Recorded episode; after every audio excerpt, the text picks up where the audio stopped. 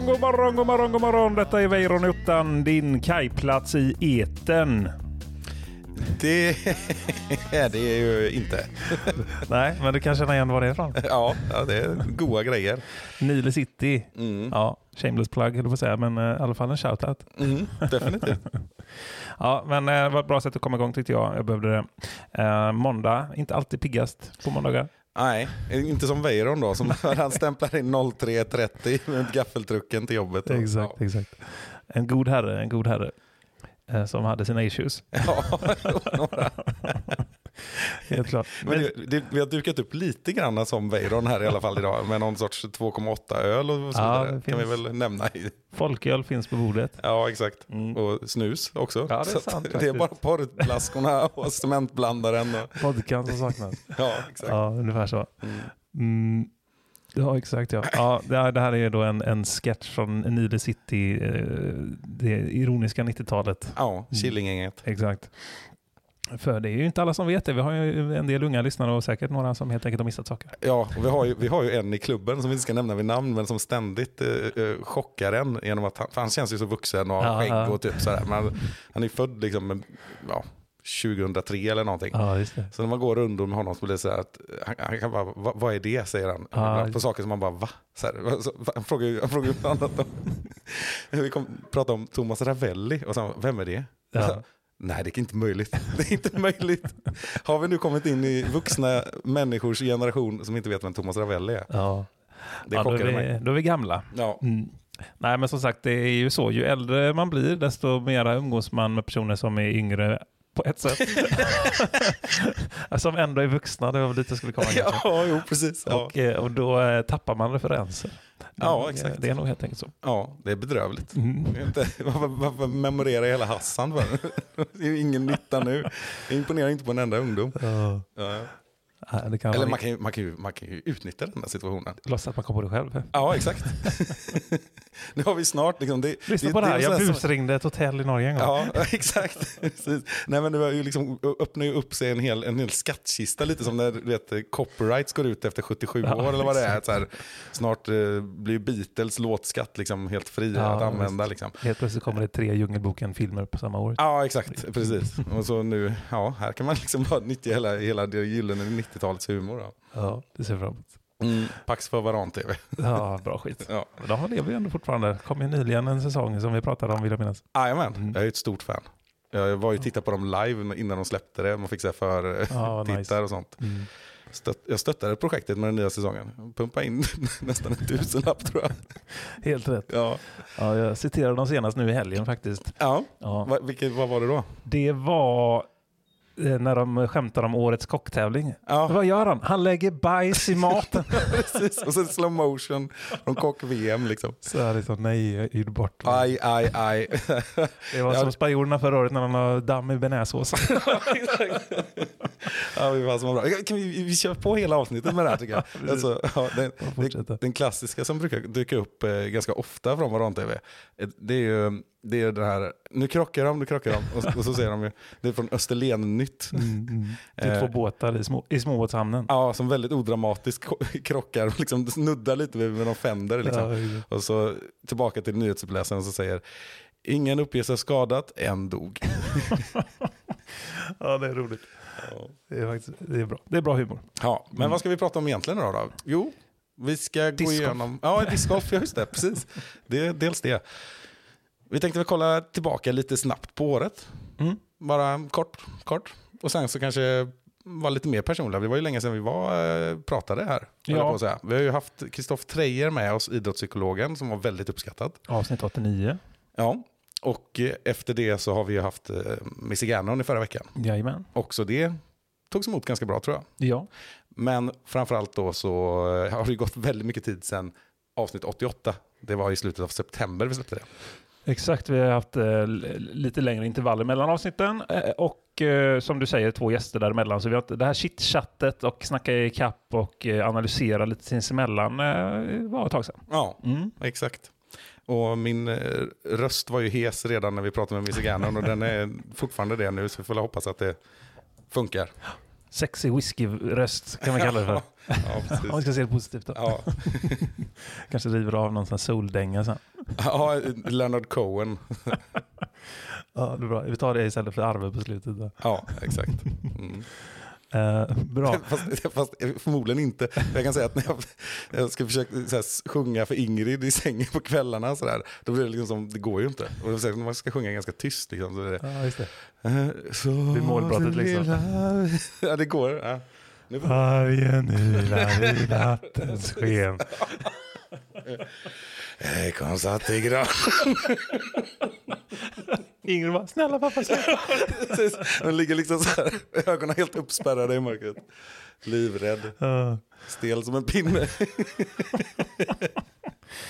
ja, stackars Ingrid. Ja. inte lätt. Nej. Eh, Okej, discgolf sa vi. Mm.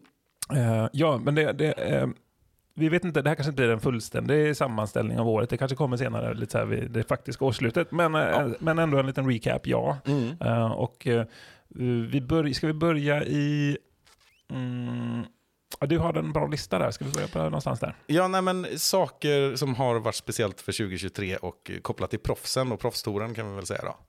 Just det. Eh, då eh, kan, kan vi konstatera, som alla andra, att det var extremt jämnt och hög nivå i MPO och tvärtom i FPO.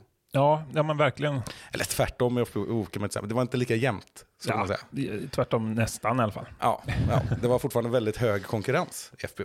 Ja, men en tydlig dominerande profil. Ja, precis. Och det är ju det här, jag tror vi har varit inne på det flera gånger redan under året. Liksom. Men det var alltså 29 tävlingar på Disco Pro Tour som vanns av 18 olika MPO-spelare. Eh, ingen vann två Elite Series i rad. Och det är första gången någonsin. Eh, det är mycket unga, nya spelare som eh, ja, men dominerar tillsammans på något sätt. Vi har ju sett Kyle Klein, vi har sett eh, Isaac Robinson vinna två majors. Och eh, vi har Gannon Burr som tog flest segrar tror jag på Disco Pro Tour. Och så vidare. Och det är och, och, häftigt. och sen en och annan sån här uppstickare som man knappt kommer ihåg vad de heter. Liksom. Nej, exakt. Där Gavin uh, Rathbun har väl vunnit någon gång va? Eller det kanske han aldrig gjorde. Nej, han- Silas Schultz? Nej, ja, Ja, skitsamma. jag vet inte. Eh, Raven Corey Klein, ja. Ellis vann ju också en major. Ja. Ja.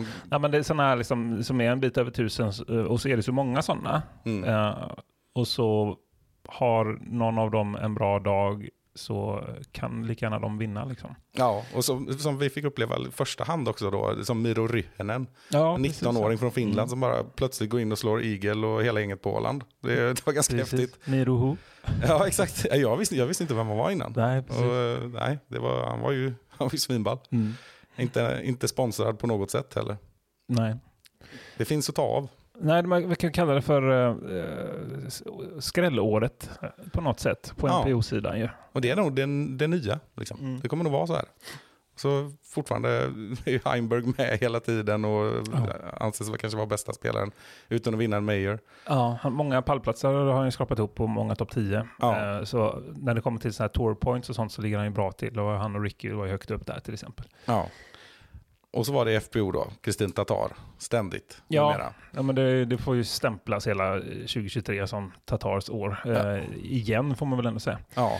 Vi snackar alltså 12 stycken första platser, vinster i tävlingar. Fyra stycken andra platser, inga tredjeplatser och sen har hon kommit fyra två gånger. Mm. Och så en gång femma, en gång sexa. Hon Det- vinner nästan allt. Och när hon inte vinner så kommer hon två. Ja, det är ett, det är ett skapligt facit. Ja. eh, to say the least. Mm. Och eh, som du var inne på lite inledningsvis här, att det handlar ju inte om att eh, FBO-fältet blir sämre, utan det är ju faktiskt tvärtom. Ja. Om man ser det både ratingmässigt och breddmässigt och, och allt möjligt så blir det ju bättre och bättre och bättre. Men det är ju bara ett tecken på hur jäkla bra eh, Tatar är då. Eh, sen visst, Page var skadad under VM och så vidare Mm. och Owen också. Men jag tror ärligt talat inte de hade haft en chans ändå, även om de har varit i god form. Nej. Eh, inte som Tatar spelade under den, den här säsongen. Nej, och sen så med, med, eh, det blir intressant att se hur det här utvecklar FPO till exempel i, i förhållande till banorna. För det ju, blir ju en helt annan sak. När man tänker lite barnbyggeri, jag tänker som ett SM på Ale till exempel. Mm. Och man vill FPO-anpassa banan och sådär. Men börjar man tänka Tatar, ja då är det ju... De kastar ju långt liksom. Mm. Och det gör ju Evelina Salonen och Henna Blomros och ett gäng till och sådär. Hur ska banorna se ut för FPO-fältet på högsta nivå? Mm. Eh, det måste ju ske en stor utveckling då för bredden också. Att man måste kasta längre till exempel. Mm. Om det nu är det åt det hållet det går. Ja, ja men det, det är jättesvårt att säga för samtidigt så ser man ju en stor utveckling på eh, MPO-fältet också. Kanske Mm. inte är lika extremt när det kommer till ratinghöjningar och annat, men om man ser till typ kasta långt till exempel så är det, det, det folk är ju sjuka nu. Liksom. Ja, ja. Och alla är ju det. Ja, så ja precis. Det är liksom, eh, eh, förr så var det liksom Lisotte ungefär. Som Ja. liksom, okej, han är liksom en eh, klass för sig när det kommer till att kasta långt, kanske någon mer sådär. Mm. Men nu så är det ju var och varannan snubbe som kastar över 500 feet i ett eh, ögonblick så att säga. Ja. ja, exakt. Eh, Så det, ja, det är lustigt. Och det här med att tiger-proofa banor som det heter i, i golfvärlden då, så, som ju var en grej då, att man inte ska Ja, att man liksom flyttar på, på sweet spot helt enkelt då, lite längre bort liksom. Mm. Ehm, det är ju... Ja, vet, det blir inte riktigt samma sak i discgolf i och med att det inte är lika öppet så. Nej, precis. Nej. Ehm, så det, men det är ändå en svår balans. Jag kommer ihåg, jag kollade på, vilket jag kan rekommendera för övrigt, på Gatekeeper Media så finns det ju sändning från Swedish Disc Golf Pro Tour när de var på Ale och spelade. Det spelades både gul pro och vit. Mm. Och det var ju kul att höra amerikaner som kommenterade en bana som de själva inte hade sett eller spelat innan då, som det var i det här fallet. Och eh, de var, eh, tryckte på när, när Ale Gul var till exempel, att eh, det var så kul att se eh, tekniskt utmanande hål som inte behövde vara så jättelånga. Som till exempel Snäckebäcken hål 4 var det, Mm. pratade de väldigt gott om. Liksom att sånt här ser man liksom inte på touren nu för tiden. Och det kanske hade behövts. Mm. Ehm, sen är det intressant att se hur den hade spelats kanske om den absoluta världseliten hade varit där nu återigen då. Mm. Eh, för ärligt talat, det kanske inte lika kul att se när Ricky går en Sky Annie över allting och spelar det som något som det inte är tänkt att spelas. Det är Nej, kul på ett precis. annat sätt möjligtvis. Men, Han gjorde ju det 2018 Ja. som vi nämna och gjorde Eagle ja, exakt. på ett par fyra hål. Eh, och kastade, det, det här är liksom ett, ett typiskt tvåkast Mm. eh, hål. Då, det liksom ska till en landing zone över vatten och så sen 90 grader upp höger. Mm. upp för en brant backe över vatten igen. Då. Men, men det var liksom ändå... Ah, jag tror inte det betyder... Bara för att alla kastar längre tror jag inte det betyder att alla banor ska bli längre. Det är det jag försöker säga. Nej, precis. Och det, det, är ju- det är väl det kanske man hoppas att det dras ännu mer in till liksom, tekniska skogsbanor. Att det, det hoppas jag i alla fall. Alltså, så, det är inte- det är inte det att det inte får finnas öppna hål på dem. Eller Nej, liksom långka, öppna långkastarhål. Det är ju publikfriande Mm. och publikvänligt att bara att f- komma till. Så att Ja. säga. Jo, men det är den här balansgången. Och vi, brukar, ju- vi två, båda två förespråkare för det här att eh, omväxling förnöjer inte bara för spelare och publik Mm. utan även liksom allmänt för utvecklingen av sporten tror jag. Och, och, eh, och sådär. Och även att eh, flera banor och länder kanske för den delen också får synas liksom och, och så vidare. Så det, det, det hoppas jag verkligen på. Och att man inte ska utesluta någonting överhuvudtaget. Liksom sådär. Men att man inte ska glömma av de små tekniska skogsbanorna. Då. Eh, Det finns ju en viss problematik i när en stor apparat som DGPT kommer på besök till exempel, att eh, Mm. de vill ha eh, att det ska vara täckning, de ska sända liksom sändningar, de vill att det ska finnas eh, plats för publik som du är inne på, Mm. det ska finnas plats för kameramän här och där, liksom både eh, bortanför sweet spot, bortanför korg och bakom tio och så vidare. Och det är ju svårare ju tajtare skog du är i såklart. Mm. Ehm, men det borde gå att hitta vägar, både billigt och bokstavligt. Mm. Ja, precis. Nej, men eh, exakt. Och det sen eh, nästa år så blir det också så att det kommer vara inträde på alla Discord Pro Tour-tävlingar för publik. Så att, eh, att publiken passar banorna, alltså det måste man ju göra då för det första. För det första måste man ju leverera en bra produkt då. Eh, och då kommer ju ett sånt fokus också så att även skogshål går givetvis att göra publikvänliga. Sen kan man ju tänka sig att det kanske blir lite, lite mindre publik Mm. utan att det blir störande på något sätt. Men att det kanske skrämmer bort några, Mm. eh, vilket ju också gör det mer möjligt att se på. Liksom. Mm. Eh, men läktare, eh, läktarbranschen, kommer nog, uthyrningsbranschen kommer nog få rikta sig lite mot discgolf tror jag. Mm. Ja, och ni som är liksom greenkeepers eller barnskötare i allmänhet eller banbyggare på något sätt, glöm inte att ha det i åtanke så att säga. då, Mm. Att det är en viktig aspekt för att sporten ska fortsätta växa då. Att man tänker på de större arrangemangen och Mm. förhoppningsvis de st- större publiksiffrorna Mm. framöver. Precis. Ytterligare en anledning till att ha stora tior skulle jag säga också. Mm. Alltså rejält tilltagna utkastplatser liksom. För där, ja, på Åland fick vi också bygga till lite så här, när det var ju byggnadsställning på något håll. Mm. Liksom, för att det måste kunna stå en kameraman bakom liksom. Just det. Och då är det, det kan få vara ett dropp där då. Men det löser man ju med en stor altan. Mm. Eh, på vissa ställen. Exakt. Och det måste vi säga att Östra Ryd var så föredömligt. Ja, Fantastiskt bra. väldigt bra ställe för en, eh, för en tävling. Ja, och då ärligt talat, det blir lättare att få dit stora tävlingar. Eh, tack vare sånt. Mm. Mm, ja, men, eh, kan inte ge nog shoutouts till eh, Simon Östling och Östra Ryd. Mm. East Meadows.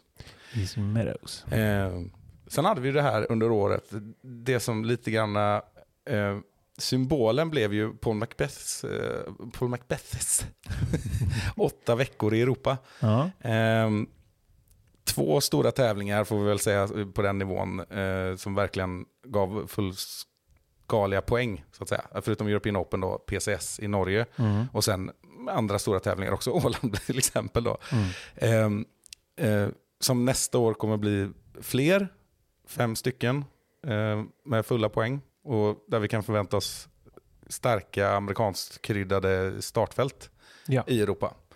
Och då, då pratar vi alltså om eh, Disco Pro Tour återigen då. Mm. Som eh, eh, lite oväntat enligt många då har gått ihop med eh, European Pro Tour. Mm. eh, och eh, startat något som inför 2024 då kommer heta DGPT Europe helt enkelt. Mm. Och där kan man också säga att PDGA Europe är med i det samarbetet också. Mm. Även om de, ja, för att det projektet som hette då PDGA Euro Tour numera är nedlagt. Ja, precis. Som en följd av detta. Och det kan ju tyckas, det är det som kan tyckas lite märkligt eller därför man inte hänger med, att det fanns två Europatorer. Det är alltså den som inte hade Disc Golf Network förra året, som är uppköpt eh, och införlivad i, i Disc Golf Pro Tour. Ja. Och då finns det inga skäl att köra PDA Eurotour helt enkelt. Eller det går inte, när ska de, de hållas och så vidare. Och då, då är det ju, jag sa ju fem stora tävlingar, i praktiken är det väl kanske tre om vi ska ärliga, eller fyra. Eftersom Köpenhamn går ju liksom i maj, då ska vi inte tro att det kommer över kanske s- 60 amerikaner. Det kan det ju vara. Ja, men det är åtminstone DGPT så att säga. Ja, exakt. Ja, men det är Eh, det. och, det är, och, och det är inte Silver Series. Nej. Eh, för det kommer också tillkomma Silver Series-event i Europa. Det har inte offentliggjorts ännu. Eh, så än så länge är det, är det Elite Series-schemat som är släppt. Mm. Och eh, det är de här fem vi pratar om då. Mm. Eh, ska vi ta dem från, eh, från början till slut? Eh, kan vara kul kanske. Ja, det kan vi göra. Och då, eh, om jag tar från huvudet här nu då, utan att kolla, så vill jag påstå att i mitten av maj så är det då Köpenhamn. Eh, sen är ju nästa då... Valbyparken. Ja, och sen är det helgen före midsommar. Så är det eh, Turku. I Finland då ja. Ja. Eh, helgen efter midsommar, Swedish Open. Borås. Ehm, helgen efter det kommer det inte vara någon, men det kommer nog vara eh, osagt. Jag vet inte vad jag får säga eller vad som är officiellt. Vi skippar det då. Ja, vi skippar det. Jag vet inte vad, jag avslöjar. Det är inget som jag själv är inblandad i, men jag hör för mycket saker nu. Ja, problematiskt. Men det är, det är ju i alla fall officiellt att det inte är någon Disco Pro Tour-tävling den helgen, alltså, Mm. som skulle vara runt den 7 eh, juli. Eh, helgen efter det så har vi då Krokhåll och sen European Open helgen efter det. Och helgen efter det igen så är det Tallinn, vad som vi trodde skulle heta Tallinn Open, men som heter European Disc Golf Festival. Men det är alltså i Tallinn och innehåller en sån tävling. Just det. Ja, men det, är, det man kan uppskatta med det här upplägget är ju den geografiska spridningen. Eh, att eh, vi har ju både Estland, Finland, eh, Norge, Danmark, Sverige. Som, och det finns ju en tanke med det såklart. Mm. Och eh, då kan man ju tänka då att de här Silver Seriesarna kommer, som offentliggörs kommer att eh, petas in emellan på strategiska både platser och tider då. Ja, och samtidigt ska man nog vara beredd på redan nu då att det är inte de starka startfälten. För de kommer ju alla krocka med stora tävlingar på Disco Pro Tour i USA. Så tanken med den där, de övriga tävlingarna som kom, tillkommer är ju liksom att det ska vara ett steg in för att man samlar väl någon sorts värdighet, något värde för att kunna få ett tourpass nästa år. Mm. Och sådär. Så det är ju lite för uppstickare.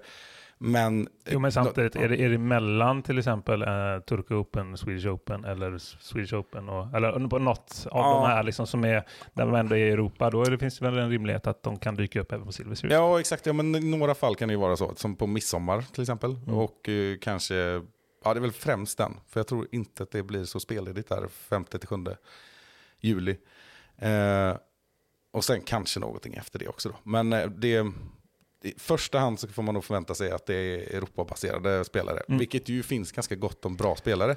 Vilket kan vara ett ämne för ett annat avsnitt. Mm. Men många unga finnar eh, väljer ju att inte gå, åka på touren till exempel i USA. Ja. Eh, och där har vi ju sådana som Elias Lukkonen till exempel. Han är ju så här, ja, det är som sagt, det blir eh, ett ämne för en annan, eh, en annan, ett annat avsnitt. Ja, men bara för att snabbt flika in då till det ämnet, jag ändå nyfiken. Uh, I och med att det också är nu två torer som praktiskt taget blir en då, Europatour, som, som ju har varit en, ett önskemål på många släppar också, eh, så kommer det nog innebära att eh, det kommer att bli än starkare. Man kunde ju se att det, var, det fanns starka startfält eh, i båda torerna, i alla fall på vissa tävlingar under säsongen som har varit här.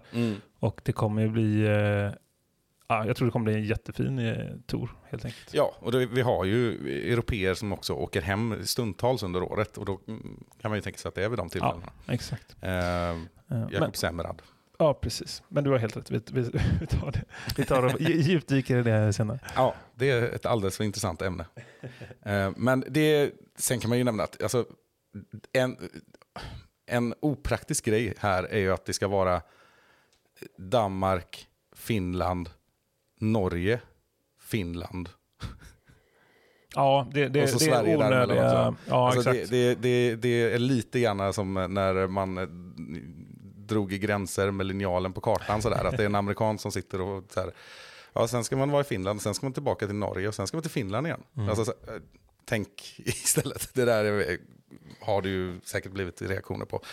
Men det där försökte vi ju lite grann peta i redan under processen, som jag har varit med i periferin när det här Mm, har mm. planerats och, och kände till innan. Liksom. Att eh, tänka, titta på den, den är inte jättebra, men det blev så ändå. Ja. så periferin som sagt. Ja. Ja, det är fortfarande... Det, ju, det blir första året för den här touren. Så det är fortfarande work in progress om man ser det så. Uh, men jag håller helt med dig att det, det är inte helt optimerat. Uh, Både om man ska se till uh, spelarnas uh, välmående när det kommer till att uh, hinna träna i tid och slippa restid och ekonomiskt också och så Mm. vidare. Det är bättre att vara på en plats. Och, ska man se det liksom i ett hållbarhetsperspektiv, man ska liksom föregå med något typ av gott exempel och det finns ju massa olika eh, eh, saker att peka på som gör att det är viktigare att optimera ännu mer i Mm. framtiden. Liksom. Och den diskussionen förs i väldigt, väldigt många sporter redan. Jag vet till exempel att Björn Ferry är en sån som pratat väldigt mycket om det här kopplat till skidskytte som är hans stora sport. Mm. Att det är liksom helt idiotiskt hur de, hur de flyger och far runt hela, hela världen. Liksom. Och eh, det finns liksom ingen logik i det hela. Eh, och han eh, bojkottade ju många tävlingar och började åka tåg och liksom hit och dit och han tappar ju mycket på det. Liksom. Mm. Eh, missar ju som två träningsdagar ibland. Liksom. Ja, exakt. Och här har vi ju också många torande spelare som lever ganska mycket på marginalen redan.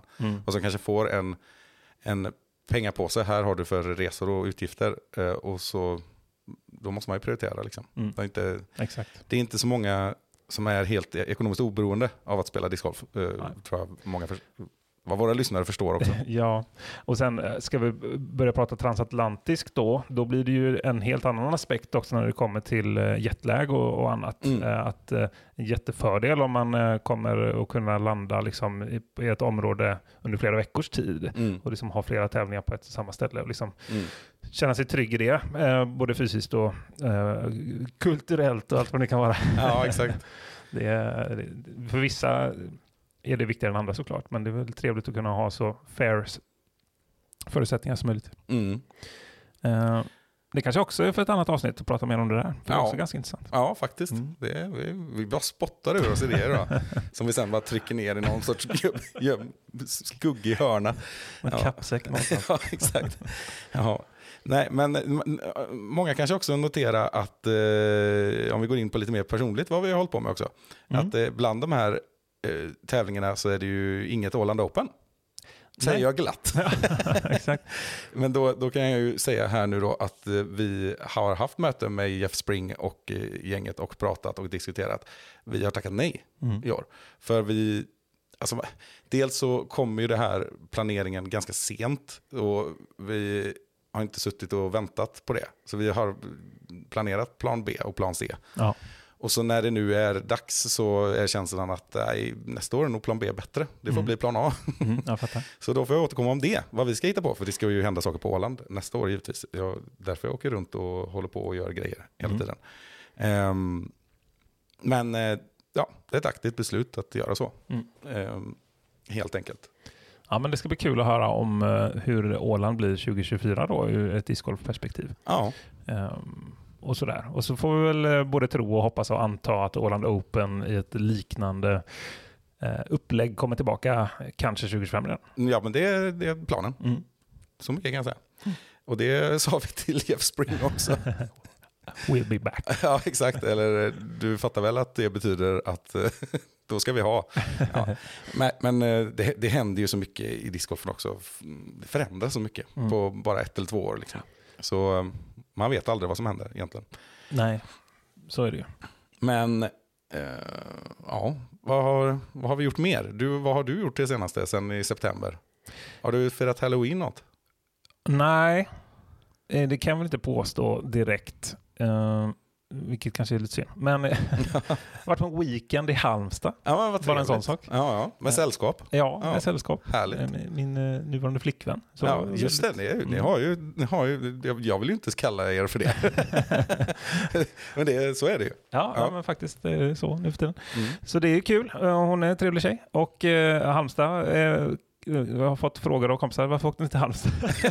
ja, exakt. Så det kan man ju undra. Det är en fullständigt rimlig fråga. Ja, faktiskt. Men jag är en sån som, du vet ju det, att jag gillar ju att samla på saker. Ja, jo, jo.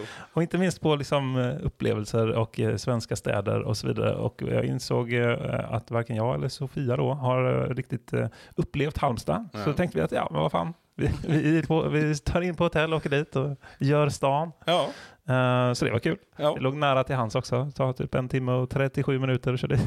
ja, exakt. Och nu kommer ni alltid ha Halmstad. Ja, exakt. Check på den. Behöver aldrig mer åka dit. Precis. Inget ont om Halmstad, Ja. men eh, det finns andra ställen att upptäcka. Mm. För det är ändå något som har eh, jag upptäckt i och med, lite i och med corona på ett sätt. Det här med att okej, nu ska man liksom på semester och då, ja, man måste ju inte åka utomlands. Väldigt eh, Svensson och platt kanske säger det. Men, Nej, men det, det är ju verkligen så. Ja. Det är ju många som har upptäckt. Eh, och eh, tack vare både mitt, uh, framförallt mitt före detta jobb då när jag var miljökonsult och vi reste mycket i jobbet, men också via discgolfen då, som vi brukar förespråka också, att det är fantastiskt kul att resa i ett discgolfsyfte och åka och testa tävlingar och banor och det tycker ju vi är fantastiskt kul. Mm. Jag talar för dig också. Och flickvännen hoppas jag. ja, det får vi se. Ja. Men, eh, menar att, eh, det har lett till att många ställen har bockats av och jag har upptäckt hur fantastiskt fint eh, Sverige är i ett eh, både makro och mikroperspektiv. Mm. så att säga. Så eh, sucka inte när ni hör att, eh, om en weekend i Halmstad Nej. eller liksom en eh, eh, dagstur till eh, Tidaholm. Det kan vara hur mysigt som helst. Ja, exakt. Precis. Ja, men det, och det, alltså det är påfallande många i ens närhet som liksom har eh, plötsligt sådär planerat semestern för jobbet att eh, nu är Österlen. Liksom. Och så en kollega till mig, han, han som bor i Uddevalla, han eh, körde, vi ska ha en vecka i Töreboda. Bara en sån sak. så det gjorde de i somras, Ja, men det var det där. Ja. Nej, men jag tror att de liksom utgick från det och cyklade så här, lite i någon sorts stjärnmönster på den här veckan. Till olika Mm. ställen. Ja, ja, Det ja. finns säkert jättemycket att titta på. Det, det finns väl lite, det finns väl lite sådana här grejer som jag skulle vilja titta på där i och för sig. Det är ju inte så långt härifrån för övrigt. Jag ligger ut på Slätta. Ja, typ så. Och eh, Lite närmare Vättern va? ja, är det inte lite norrut också? Det nästan åt är. Värmlandshåll. Nej, jag, Nu Mm. kanske jag blandar ihop det. Det, kanske, inte, kanske inte ens var Töreboda. jag tänker att det är så här, fotbollsreferensmässigt, typ Olof Mellberg och eh, Andreas Andersson kommer från de där. eh, Okej, ja. Nej, Andreas Andersson. Inte han stockholmare? Hova. Nej, inte Andreas Andersson. Vem tänker du på? Han med blont eh, Ja, hår. handfallare. Ja. Ja, nej, Hova tror Okej, jag. ja, Ja, ja. Sen vet ju inte jag vad Hova är va? Han- Men han, han slog väl igenom Degerfors tror jag. Ah, Och det är ju okej. samma, de trakterna Ja, ja. liksom. Mm. Olof Mellberg kommer ju därifrån, Mm. eh, gränsen mot Värmland. Han har ju ett snack om eh, förbundskapten. Eh, sådär. Men ja, det känns väl inte så. Nej, alltså, jo, kanske. Mm. Så jag helgarderar mig där kan man Men jag har säga. alltid haft en liten soft spot för, för Mellberg och den typen av spelare. Ja, ja. liksom, som bara trycker ner pannan och kör. Liksom. Mm, Han- mm. Han är en av dem, vi har, jag tror vi har nämnt innan, Linderoth till exempel också. Ja, exakt. Knegare som man bara så här älskar. Teddy Lukic. Ja, just det. Precis. Mm. Det finns ett gäng sådana som man eh, så här, Vi avslöjar också hur gamla vi är varje Ja. gång vi liksom våra referenser och är liksom ett minne blott så många. Ja, ja, Mm. exakt. Så är det. Men ja, Ska vi ta en jingel? ja det tycker jag. Jag fixat volymen här också så vi slipper bli eh, döva när jag sätter igång jingeln. Ja, det har jag faktiskt gött. jag tänkte inte på det, men jag Nej. brukar tänka på det när det var högt. Exakt. Eh, apropå Hallo- Halloween så Ingrid ville ju gå ut och köra så här bus eller godis-grej. Ja, visst Så det. det var ju spännande. Var det. Har ni gjort det innan? eller Var det första gången? Nej, det var första gången. Mm. Eh, och det kanske inte var så himla tidigt, för hon fyller ju fem snart nu den här månaden. Men, men i alla fall, då, då insåg jag att ja, det är klart hon måste få göra det. Hon vill så här klä ut sig till spöke och hålla på. eh, men så insåg jag att det här blir problem, för att vi bor ju liksom i ett område där det, man kan säga att det är väldigt mycket gamla människor. Ja. Eh, och jag tror inte att det här är en sån tradition. Det kommer bli besvikelse efter besvikelse vid varje dörr. Att de Liksom. inte har godis hemma menar du? Ja, exakt. Ja. Men Har de inte alltid någonting? Visst, man blir besviken om man får en clementin, men man får i alla fall någonting. Då. ja, exakt. Jo, men och Ingrid det hade faktiskt Kakor har varit nöjd. Ja, exakt. Men då, då insåg jag att nej, men jag gör så här. Jag åker och köper godis och så går jag till några utvalda grannar och ger dem godis och säger att vi kommer om en timme. Så jag gjorde så. Det var sig väldigt fint av dig, om än lite stageat. Ja, väldigt stageat. Men det är hon är fortfarande så pass liten så att det funkar. Liksom. Ja. Eh, då kan jag också styra så här att nej, där ska vi inte knacka på. De är inte hemma. Exakt, de är inte hemma. Eh, Jag såg pappa förut när han... eller, ja, det, det var ju typ så. Men det, går ju, det gick ju liksom Ja, helt problemfritt så. Det, det, det var ett problem bara. Att, eh, som jag insåg när jag kom hem, när jag hade lämnat ut godiset, då var det så här, just det. För de hade ju inte godis heller. Nej. Nej, det en, av, ja, en hade go- köpt godis. Mm. Ehm, men då var det ju att de har ju inget mer godis än den där näven jag gav dem nu. Ja, just det. Om det kom någon annan ju innan. annan. Och det hände ju i ett fall. Så då, när vi kom dit så sa de bara jävlar så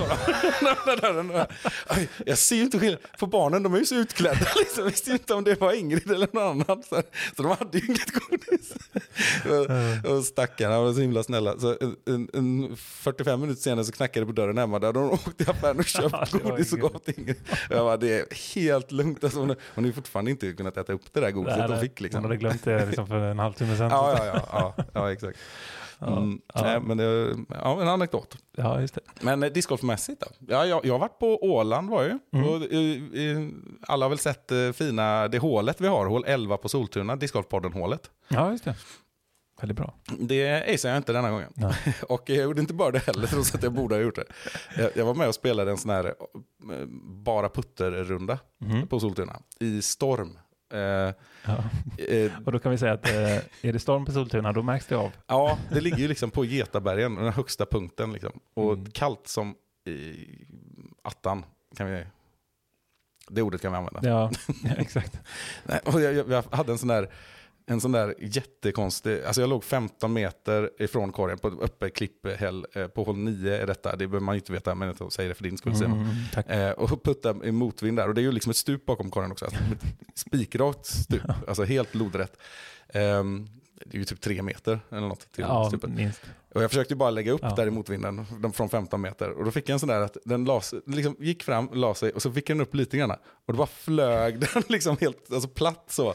Så jag var liksom 20 meter bakom där jag stod plötsligt. Sånt man ser liksom eh, på, i flödet Ja. ibland så att säga. Ja, men den, här, den här hade nog faktiskt kunnat bli viral för den var riktigt komisk. Ehm, Och Oscar som jag gick med som du också känner. Jajamän. Han, eh, han sa att, eh, för jag sa att det här var bland det konstigaste jag varit med om och då har jag ändå spelat ett tag. Och han sa, att, vadå bland det konstigaste? Det här är det konstigaste jag har varit med om, sa han. Så det var en riktig, det är synd att man inte kan beskriva det bättre, exakt hur det är liksom. Det var konstigt. Det var väldigt, väldigt konstigt. Det var, ja men just, alltså, det är ju just det där att den liksom lägger sig och så den fly, flög inte som en disk liksom. Nej. Den flög ju som ett annat objekt bara. Eh, och, ja, från att vara stillastående liksom. Jajamän. Ja. Ha, Ja, eh, ja, jag har varit i Spanien också Simon. just det. Ja, men riv av den också. Ja, det var väldigt eh, trevligt. Jag tänker, nu åker man ner till soliga Spanien här. Det var... Har också storm. det var storm och regnigt som fan. Eh, Första dagen då fick man ju ta på sig alla kläder man hade tagit med sig, eh, inklusive liksom jacka, regnjacka. Och, Och alla dina kläder hade du inte med dig, för de låg i en väska som var borta. Exakt, det var ju det också. Men eh, vi fick lite solsken sen. Men, eh, men eh, nej, de hade ju inte jättekul där på Andalusia Open. Mm. Det, det var kallt och regnigt och blåsigt, förutom en dag tror jag, på Eurotour Championship. Just det. Eh, men det var lite det vi åkte ner för då, jag och Mats, Ålands-Mats. Och nätverka lite och träffa relevanta personer för alla tänkbara projekt vi har. Eh, och hade lite möte med PDGA Europe och sådär. Och ja, sen eh, träffa spelare, high-fivea lite. Mm. Jag, fick, jag var, var caddy åt Jakob Semrad, jätte, jättekort, i- i- vilket bara innehöll att jag höll hans paraply. Mm, och jag konstaterade att jag är i alla fall 1030 på att hålla paraply. Ja, det är bra. Alltså, jag vet inte om jag var det faktiskt. ja. Det började regna när vi stod och tittade på det här hålet. Då får man, får man ställa upp. Ja, var fint. Ja. Nej, men det vi gjorde också var att vi skulle åka till eh, Alicante-trakten Mm. eh, för att titta på potentiella projekt med banor och så vidare. Eh, eller en bana och kanske designa en bana där nere. Och ha någon sorts event. Så sammanfattar det. Eh, jag vet inte mer själv eh, just nu. För det, det man kan konstatera är att södra Spanien, det är ju öken liksom. Alltså det är ju bara en fortsättning av Sahara nästan. Ja. Alltså det, det går ju för fan inte att bygga banor där. typ inte. Finns Eh, några buskar. Ja, men lite så. Och Mijas eh, var jag inte på, men, och jag har inte varit på det där innan heller. Men det är väl mycket höjdskillnaderna som är grejen där. Och, Ja. och, så. Det Men, verkar ju speltekniskt ändå vara en, en ganska så eh, trevlig bana. Mm. Eh, och den har ju rätt högt betyg, jag vill minnas 4,4 på jordisk och så vidare. Eh, men man, det saknas ändå någonting för att vara liksom en toppbana, känns Ja. det som spontant då. nej, men, och jag och Mats åkte till eh, Elche och Alicante. Det är liksom, båda ställena är så här 200-300 000 invånare och sitter i princip ihop. På mer medelhavskusten är det då. Elche ligger inte vid kusten, men i alla fall. Ehm, och det var eh, Mats kusin som Mhm. bor där nere. Var, vars man vi då hängde med, Fernando. En eh, riktig sån spansk gentleman med pullovern knuten. det var fantastiskt bra eh, kontakt att ha. Men han hade ju också då kollat ut lite ställen där vi skulle kunna vara banor. Så första dagen när vi vaknade där då så åkte vi till tre ställen. De hade också kollat med politiker och sådär, två av ställena, att det skulle funka att få låna i alla fall för en pop-up-bana vid något tillfälle. F- första två ställena går det inte att göra discgolfbanor på. Det var verkligen ingenting över knähöjd. Ehm, och väldigt mycket upp till knähöjd dessutom. Ja, så det var Eh, och det andra stället var liksom bara jättetajt med liksom tre meters eh, träd. Mm. Eh, det hade varit bombgranatfest för Ronny Rönkönen. Liksom. Ehm, och det är då man inser att det är, discgolfen kommer nog aldrig kunna rota sig riktigt i Spanien, i alla fall inte södra Spanien. Ja. Ehm, det funkar ju helt enkelt inte. Men eh, sen eh, öppnar det upp sig lite, som jag får återkomma till. Men det finns ju parker och eh, ställen som kan funka. Mm. Spännande. Men det, det är ändå en, eh, en reflektion jag har, som också är, skulle kunna vara ett helt avsnitt faktiskt. Eh, Och, och mer därtill. Just att eh, Skandinavien dominerar discgolf i Europa.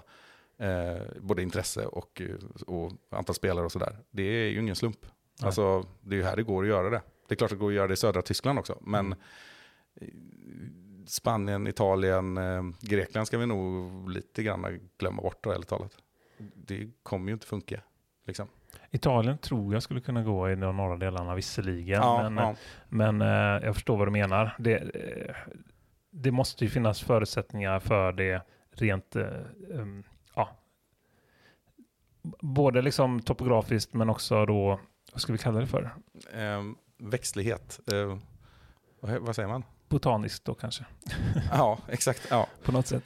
ja men lite så. Landskapsutformningsmässigt. och invändningen kan ju såklart vara att eh, går det att göra golfbanor så går det att göra discgolfbanor. Men då, vi kommer få vänta då. Mm. Det är alltså konstbevattningar och mm, palmer och Mm. rader. Absolut, det är klart att det går. Mm. Men eh, ni är nog med på vad jag menar där hemma. Cash Eh, ja, ja, exakt. ja, och idrottskulturell förändring eh, Ja. måste ju till också. Och det, det, det är väldigt mycket mm, problem. Ja, om vi, vi, om vi tycker att vi, vi kämpar här i Sverige med sådana saker som vi skulle kunna komma in på alldeles strax faktiskt, ehm, med eh, att discgolfen blir åsidosatt och så vidare, så är ju inte det, eh, och, då, då, och som du var inne på, då är det ändå ett väl etablerat just hos oss. Och Då Mm. kan man ju tänka sig hur svårt det är där. Då. Ja, men det är så himla lätt liksom att tänka på något sätt att eh, ja, Malaga, det låter ju jävligt gött, discgolf liksom. Mm. Eh, Men fan, det är ju för fan Västerbotten är ju, har ju bättre förutsättningar. Liksom. Det är bara att konstatera. Ja, på ett sätt då. Ja. Vädermässigt är ju en fördel där nere såklart. Ja. Eh, och det är ju snack om det här att liksom hitta någon typ av bas för europeisk discgolf för att kunna husera under vinterhalvåret. Mm. Och där har ju Spanien varit på tal Ja. från olika håll tror jag. Eh, och visst, man, om man förbiser då från att de, har de perfekta banorna så skulle man ju ändå kunna ha det som ett område att kunna hålla igång discgolf känns det ju som. Ja, jo men precis. Och det är ju det. Och för, det man, ska, man kan ju vända på det där med att det är bra vädermässigt där nere. Det är ju bra vädermässigt där nere när det är dåligt här och Mm. vice versa. För det är fan inte kul att vara i södra Spanien på sommaren alltså. Nej, nej. Då är det ju 40-45 Ja. grader. Som, han, som Fernando berättar, liksom att Ja. han, det var ju liksom 27 grader när vi var där nu i slutet av oktober. Och man svettades liksom och ville gå in i skuggan. Och han sa att det är, här är inte normalt. Men det har blivit normalt liksom. Mm. Och, och ja, men de hade haft eh, mycket varmare i augusti och sånt där också. Det är ju några, det börjar bli ett halvår som det är outhärdligt. Liksom, till och med för de som är vana vid värme. Och då går det ju inte heller. Så ja, nej, det, vi får väl växeldra norra och södra Europa då. Ja, Någon gång i framtiden. Det hade varit eh, intressant och det är viktigt att sådana här projekt fortsätter att leva Mm. eh, i alla fall. Ehm, men ska vi gå från det till det som jag har satt en liten pinne i kanske? Eh, ja. Det här med att eh, även i Sverige så blir ju discgolfbanor åsidosatta och så vidare på olika sätt. Och ehm, nu har det ju varit en diskussion eh, som säkert många av er lyssnare har varit eh, med på, men säkert inte alla, eh, gällande Ale till exempel då, som jag tänkte vi kunde prata lite om. Det, det är nämligen så att Vattenfall behöver eh, vidga elnätet, kan vi väl eh, sammanfatta det som. Det är mer exakt så ska de göra en regionnätsförstärkning i, eh, i Göteborgstrakten då. Ehm, eh, där det här eh, det har hållit på ett, ett så kallat avgränsningssamråd där eh, en linjeföring har diskuterats då gällande eh, den här högspänningsledningen som det handlar om, som ska ta sig från punkt A till punkt B. Punkt A är Rösbacka och punkt B är Hisingen. Och det däremellan ligger bland annat Ale discgolfcenter. Ehm, um, så det har varit massa snack om detta och jag tillsammans med mina kollegor och eh, andra som har stöttat upp har tagit fram ett dokument där vi har sammanfattat ehm, Eh, synpunkter på detta då såklart. Vi har haft en diskussion med de drivande parterna i det här projektet. Eh, och jag är i alla fall försiktigt positiv till att det finns liksom eh, ändringar som är möjliga att, eh, att fixa till. Då. För den nuvarande linjeföringen som har presenterats hade ju varit eh, kaos, Ja, kan exakt. man väl sammanfatta det som. Ja, för, som jag har förstått det då så handlar det om en 40 meter bred ledningsgata liksom, som ska Mm. huggas upp. Och där kan man ju inte ha discgolf under det heller. Eh, även om man hade velat. Liksom. Eh, och den bränner rätt igenom framförallt gula banan som skulle vara förstörd. Ja, det hade ju varit liksom mitt i gula banan i stort sett och mitt över blå banan och eh, fyra hål på vita banan som hade påverkats också. Och dessutom då kanske enligt många de mest prominenta hålen, vilket är hål 16, 17, 4 och 3. Ja, Eh, det får man väl ändå säga. ja, lite så. Det är möjligtvis 12 då som klarar sig som ett av de Mm. mest eh, populära också då. Men annars så är det verkligen det, det hade, hade, även vita banan hade aldrig kunnat bli sig själv igen om man säger så, om det hade hänt. Mm.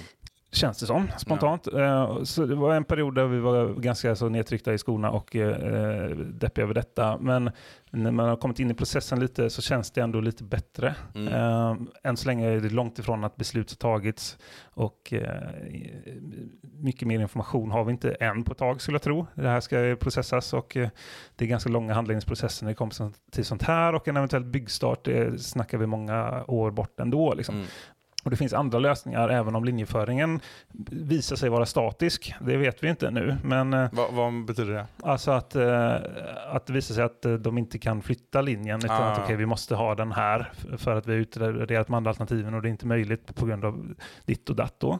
Och då finns det dels att man kan eh, ha en så pass hög ledning så att man inte behöver avverka skog. Och det hade varit Mm. intressant. Det finns andra negativa aspekter i det, sett liksom landskapsbild och annat som eh, och ekonomiskt då säkert. Men eh, sen vet inte jag allt det tekniska vad det är för typ av högspänning som klarar av det och, och hit och dit. Men vissa parter har sagt att det skulle kunna vara en möjlighet. Och sen finns det också eh, att markförlägga, alltså att gräva ner kabel då, som också diskuterats, men då är det samma problematik där. Vissa säger att det skulle kunna gå, vissa säger att det inte skulle kunna gå och sådär. Ehm, Och då måste ju väl en viss avverkning ske också? Ja, jag väljer att se det positivt och att vi liksom ska ha en, en eh, pågående diskussion och eh, försöka hitta problemlösningar istället för att bara sätta sig helt på tvären. Det tror jag inte är det bästa i alla Nej. situationer.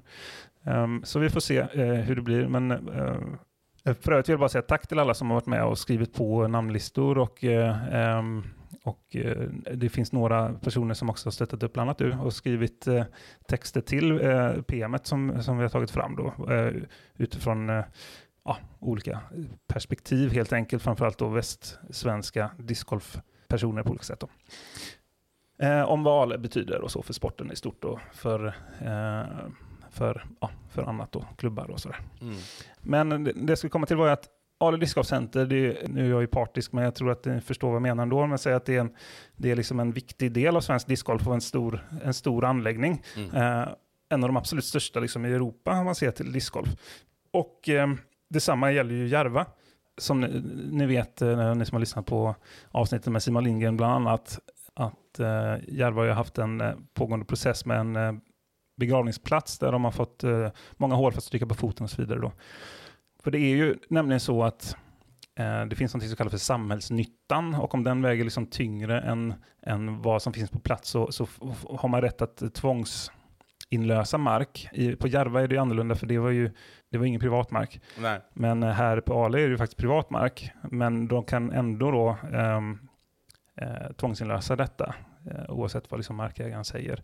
Eh, om det finns tillräckligt incitament för det då, på olika sätt. Mm. Det är en, en lång juridisk harang som vi inte ska gå in på. Men, men den, det finns i alla fall den, den risken, eller vad man ska kalla det för. Men min poäng är då att eh, hade det här varit liksom en, om vi ska kalla både Järva och eh, Ale som någon typ av nationalarenor, kan vi väl ändå göra då, inom vår sport, så hade ju inte det varit aktuellt liksom om vi pratar om en annan sport, eh, tror jag. Eh, vissa sporter möjligtvis då, men och det, det, det är lite sorgligt. Jag pratade med några som eh, skötte den här utredningen så att säga gällande ledningsdragningen som inte visste om att Ale Discgolfcenter fanns eh, när de gjorde den här förundersökningen, eller vad du ska kalla det för.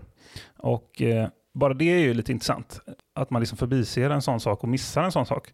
Mm. Det hade inte heller hänt om det hade varit Friends Arena. Kanske en dåligt, dåligt, eh, eh, dålig jämförelse, men eh, en, en av eh, Sveriges och Europas bästa golfbanor om man säger så. Då. Mm. För en lite enklare jämförelse. Ja, exakt. Men den är ju helt rimlig också. Eh, sen om det beror på att en discgolfbana är mer anonym på ett ortofoto och eh, för den delen i eh, allmängiltig media, det vet jag inte. Men antagligen så är det väl delvis det kanske. Mm. Men det är ändå en, ett tråkigt faktum. Och eh, Ale och Järva är ju långt från de enda exemplen. Listan är ganska lång på banor som bara fått stryka på foten eller åtminstone fått helt eller delvis förstöras på grund av liksom, ja, mer eller mindre viktiga exploateringar. Det kan ju vara, vi hade ju på tal för ett par år sedan om eh, rally-VM i Umeå Mm som gjorde att I20-banan där fick eh, riva ett gäng hål och tänka om. Och det var liksom inte så mycket att snacka om. Nej. Det var väl viss eh, friktion innan det blev verklighet, men eh, det kändes inte som att de hade så mycket att säga till om trots allt. nej, nej, nej. Och det finns fler exempel. Bland annat eh, Ljungby vill jag minnas också hade, Mm. om, jag vet inte om det är, har skrivit till verket eller inte, men det har varit diskussioner där nere. Även Eksjö tror jag har fått flytta några hål om vi är nere i Småland. Mm. Eh, Sen har vi ett färskt exempel eh, på ett sätt och vis med Jennybanan i Västervik. Där, Ja. där, eh, det är ju en klassisk bana, verkligen, från 90-talet där det har spelats mycket stora tävlingar. Eh, och där har det ju länge varit en process att det ska byggas bostäder på det området. Mm. Eh, och där ska man säga att där har de haft en jättebra dialog som jag uppfattat det, mellan klubben och kommunen. Men också då, den, det hotet om att, att eh, det ska försvinna har det ju lett till att eh, Västervik Discgolf fick hjälp att göra Alviken, Mm. som är den nya, ännu finare banan i Västervik. Och under en period nu då har ju båda banorna funnits. Och nu har det ju visat sig att eh, nya informationen som kommer från eh, kommunen, eh, tror jag det, är att ja, bostadsbyggande igen är inte aktuellt på, på många år i alla fall. Alltså det finns inga planer nu alls. Alltså nu, Mycket på grund av världsekonomins situation? Ja, Mm. nej, jag vet faktiskt inte. Nej. Men, eh, men det är ju väldigt glädjande. Och återigen, här har de varit väldigt hjälpsamma som jag uppfattat det. Det är väldigt positivt från Västervik-klubben att eh, de har verkligen hjälpt dem med Alviken för att hitta en lösning på det här som en övergångsperiod. Men nu står man ju plötsligt med två banor då. Och, då, och nu, nu kan ju de då också börja rusta upp Jenny Mm. på ett annat sätt. Mm. Eh, och utveckla den vidare. För det har ju inte varit aktuellt om det ändå ska läggas ner. Liksom. Exakt. Exakt. Ehm, och det, det är jättebra exempel också. Och, och som du säger, också fint att nämna ett, ett eh, exempel där visserligen dis, eh, discgolfen då eh, initialt åtminstone eh, hade blivit åsidosatt, men Mm. ändå då stöttad i att hitta en ny lösning, vilket ju inte alltid är självklart. Ja, det är så jag uppfattat det i alla fall. när Ja, men det är samma här. Ja. Var, om jag vill minnas när Anders Svärd var med så eh, pratade vi om det där. Det heter Från Jenny till Alviken, passande nog Ja. det avsnittet. Och så, så in och lyssna på det om ni missat det. Men för er som är oroliga gällande det här du pratar om att man har väntat med att rusta upp Jenny innan man vet, vilket är fullt rimligt. Det är inte aktuellt på Ale, utan där kommer vi liksom fortsätta såklart att köra på. Och eh, eh, vi litar på processen och vi, eh, vi har eh, eh, kära kunder som vi vill eh, erbjuda det bästa vi kan. Så vi kommer fortsätta utveckla banorna utan att tänka på det i någon större omfattning så att säga. Då. Ja, och så för att betona några saker du sa så är det ju dels där med att det ligger ganska långt framåt i alla fall. Så det är ingenting som Mm. kommer hända nu. Och det här att de inte kände till att det var en discgolfbana kan ju vara en grej som föder lite hopp. Att det så här, ja men nu blir de informerade om detta. Då- Då kan man titta på andra lösningar. Det har kanske inte funnits en anledning att dra en annorlunda. Man har inte gjort det medvetet trots att man kände till det. Liksom. Precis, det var exakt den tanken som slog mig när jag fick reda på det här också, när vi pratade på det samrådsmöte som jag och Vincent och min kollega, får vi kalla det för, var på. Ehm, för det var exakt eh, min reflektion att okej, det där är ändå positivt, även om det låter lite slarvigt att man har missat det, så är det ändå positivt som du säger, för det borde indikera att okej, hade de vetat om det så kanske man hade lagt någon annanstans. Då. Mm. Eh, och den, enligt uppgift så har de börjat kolla på alternativ åtminstone. Mm. Det är väl ungefär så mycket jag vet i det här nuläget. Mm. Så vi, vi, eh, vi kan ju hålla er uppdaterade här, men eh, jag, jag vill tro att det kommer bli ett, ett eh, positivt slut på det här Mm. stöket.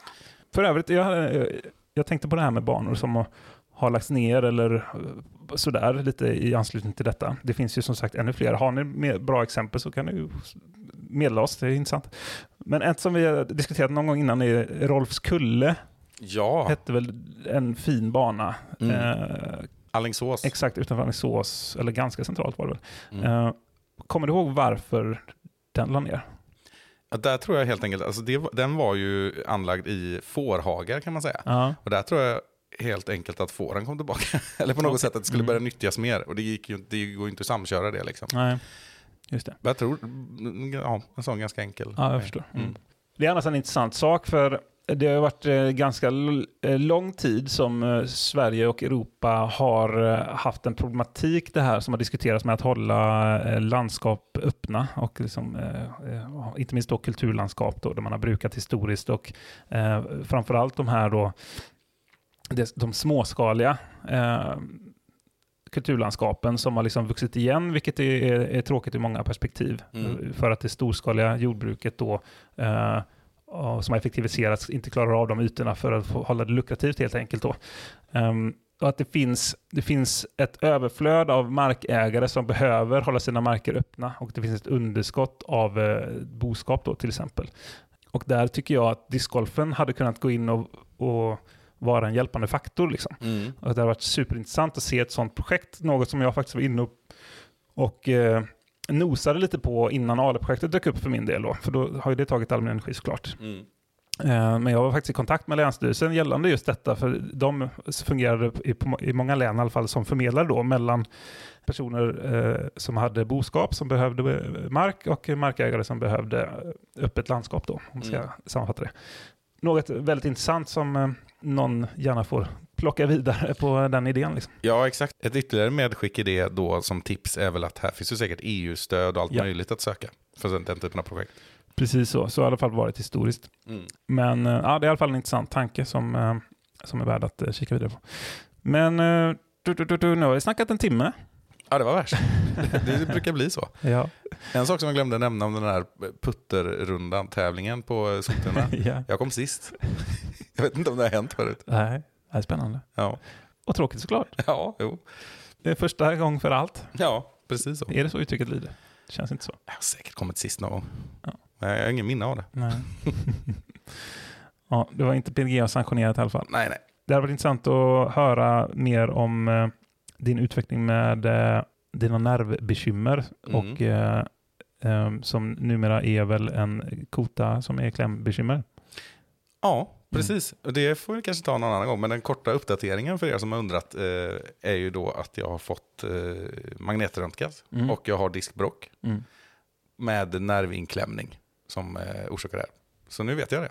Det ju- känns ju som en, ett steg i rätt riktning. Ja, precis. Sen är det ju, jag har inte ens kommit fram till eh, steget som handlar om att diskutera behandling. Nej. Det som är, man kan konstatera är att eh, det är svårt att behandla, tror jag. Alltså det sitter mellan C5 och C6 för er som förstår sånt, men det är ganska högt upp och mer i nacken, eller i nack, det är mellan nackkotorna. Mm. Eh, och det innebär ju dels att eh, min sjuk, eller fysioterapeut eh, är väldigt sådär, det går inte att träna det här specifikt. Liksom. Mm. Alltså det går inte att träna bort det på det sättet. Det går att träna allmänt. Liksom. Eh, och sen eh, kan man ju, utan att föregå då, för jag har inte haft det mötet med läkaren än, om, om behandlingar och så. Men det som man pratar om ofta är ju någon sorts steloperation och sådär. Och det är förmodligen kanske inte aktuellt, kan jag misstänka. Nu föregår jag alldeles för mycket, både mig själv och vad läkarna säger. Men jag, dels så tror jag inte att de vill och dels tror jag inte att jag vill. Jag tror att det är, då, en steloperation där har mycket större inverkan på livet som helhet. Liksom. Mm. Och kanske inte är så positivt. Då ska jag nog plågas värre av det. Även utifrån min horisont misstänker jag att det kommer landa i. Så att, eh, men eh, jag ska, eh, ska till Sahlgrenska någon gång, ortopeden. Får Mm. vi se vad de säger. Vi håller alla tummar vi kan. För att avsluta på en liten annan eh, grej. Kan vi ge en liten shoutout till eh, ett lite kul event som är på Ale kanske? Ja, det är klart. Ja. Är det Olympics? Nej, det får vi tyvärr skjuta lite på framtiden. Inte så många deltagare som vill vara med, Ah. vilket är synd. För Ja, det, Det är lite, tyckte jag var så himla roligt. Ja, och det, det är flera som har reach- reachat, jag kan bara säga något svenskt istället. Det är fl- flera som har eh, nått ut till oss och sagt att vilket kul initiativ. Eh, Men det är nog inte tillräckligt många som har anmält sig. Liksom. Och det, det kanske är för att det är höstevent möjligtvis, jag vet inte. Men Mm. konceptet var ju liksom att ha eh, massa små grenar då på Ale ehm, och ha någon slags ja, totaltävling då, som kallas för Ale Olympics. Mm. Roligt. Ehm, men det blir inte just nu, det kommer, vi, men vi kommer inte ge upp den tanken för vi tror som du att det kan bli riktigt kul. Mm. Men eh, istället så kommer det vara en safaritävling på ja, primärt då Ale Gul på eh, söndag nu den 12 november. Mm. Som man jättegärna får gå in och anmäla sig till. Jag tror det kommer bli riktigt eh, skoj. Ehm, Jag, jag låg ju och studerade kartan här. Det, var, det såg inte lätt ut. Några år kommer bli riktigt klurigt. ja. Men eh, eh, ja, det kan bli skojigt. Så jag vill bara ge en liten shoutout till det. Och eh, en sista shoutout. Giveaway, Rickard. ja, just det. Bra att du sa det. Eh, den la jag ju ut det här nu precis innan vi började spela in kan man säga. Eh, och den kommer ju ligga kvar fram till fredag. Avsnitt, avsnittet som du lyssnar på släpptes på torsdagen. Och då är det ett mm, drygt dygn kvar, eller två dygn nästan. Ja. Eh, till klockan 18 på fredag och den är ju riktigt fin. Här har vi en, en väska, en eh, signerad disk, eh, Silva Saarinen och Miro Ryhinen, känd Jajamän. från Discgolfpodden om inte annat. Vinnarna av Åland Open. Och eh, ja, med lite andra småplock och keps och, och sånt där. Men eh, det är nog det, värde som är högt. Ja, ja, exakt. Och eh, för att ge ytterligare en shoutout till den här eh, disken då som är signerad. Det är ju också en specialutgåva med Åland Open Stamp och en FD är det i C-line. Japp. Som dessutom är gul då, som jag har förstått som är en av de mest ovanliga i den tryckningen. Ja, exakt. Vi fick ju in en massa sådana Åland Open-diskar, men eh, det fanns bara 50 stycken sådana här gula. Eh, Så den är ganska unik, den, det trycket. Jag som kastar del gult är ju sugen alltså. Ja, ja, precis. Du får göra kommentarer där, men frågan är om det... Jag får inte vinna. Nej, precis. Nej, vi vet, det hade ju inte känts bra va? Nej, det hade. Men det här är ju då eh, någon sorts samarbete då kan man säga mellan podden och Åland Open och eh, Åland Disc Golf Island, liksom Mm. konceptet. Eh, Ålandsprojektet. Så det tackar vi jättemycket för. Ja, 100 procent. Ja, så in och skriv där och då är det Instagram som gäller som sagt. Yes. Eh, bra. Men eh, ska vi, ska vi tacka, för, eh, tacka för nu då? Ja, Om det är det. ja Tack tack. nu. Hej. Hej på er. See me driving after tea. Weather's looking good. I got a disc bag full of tricks.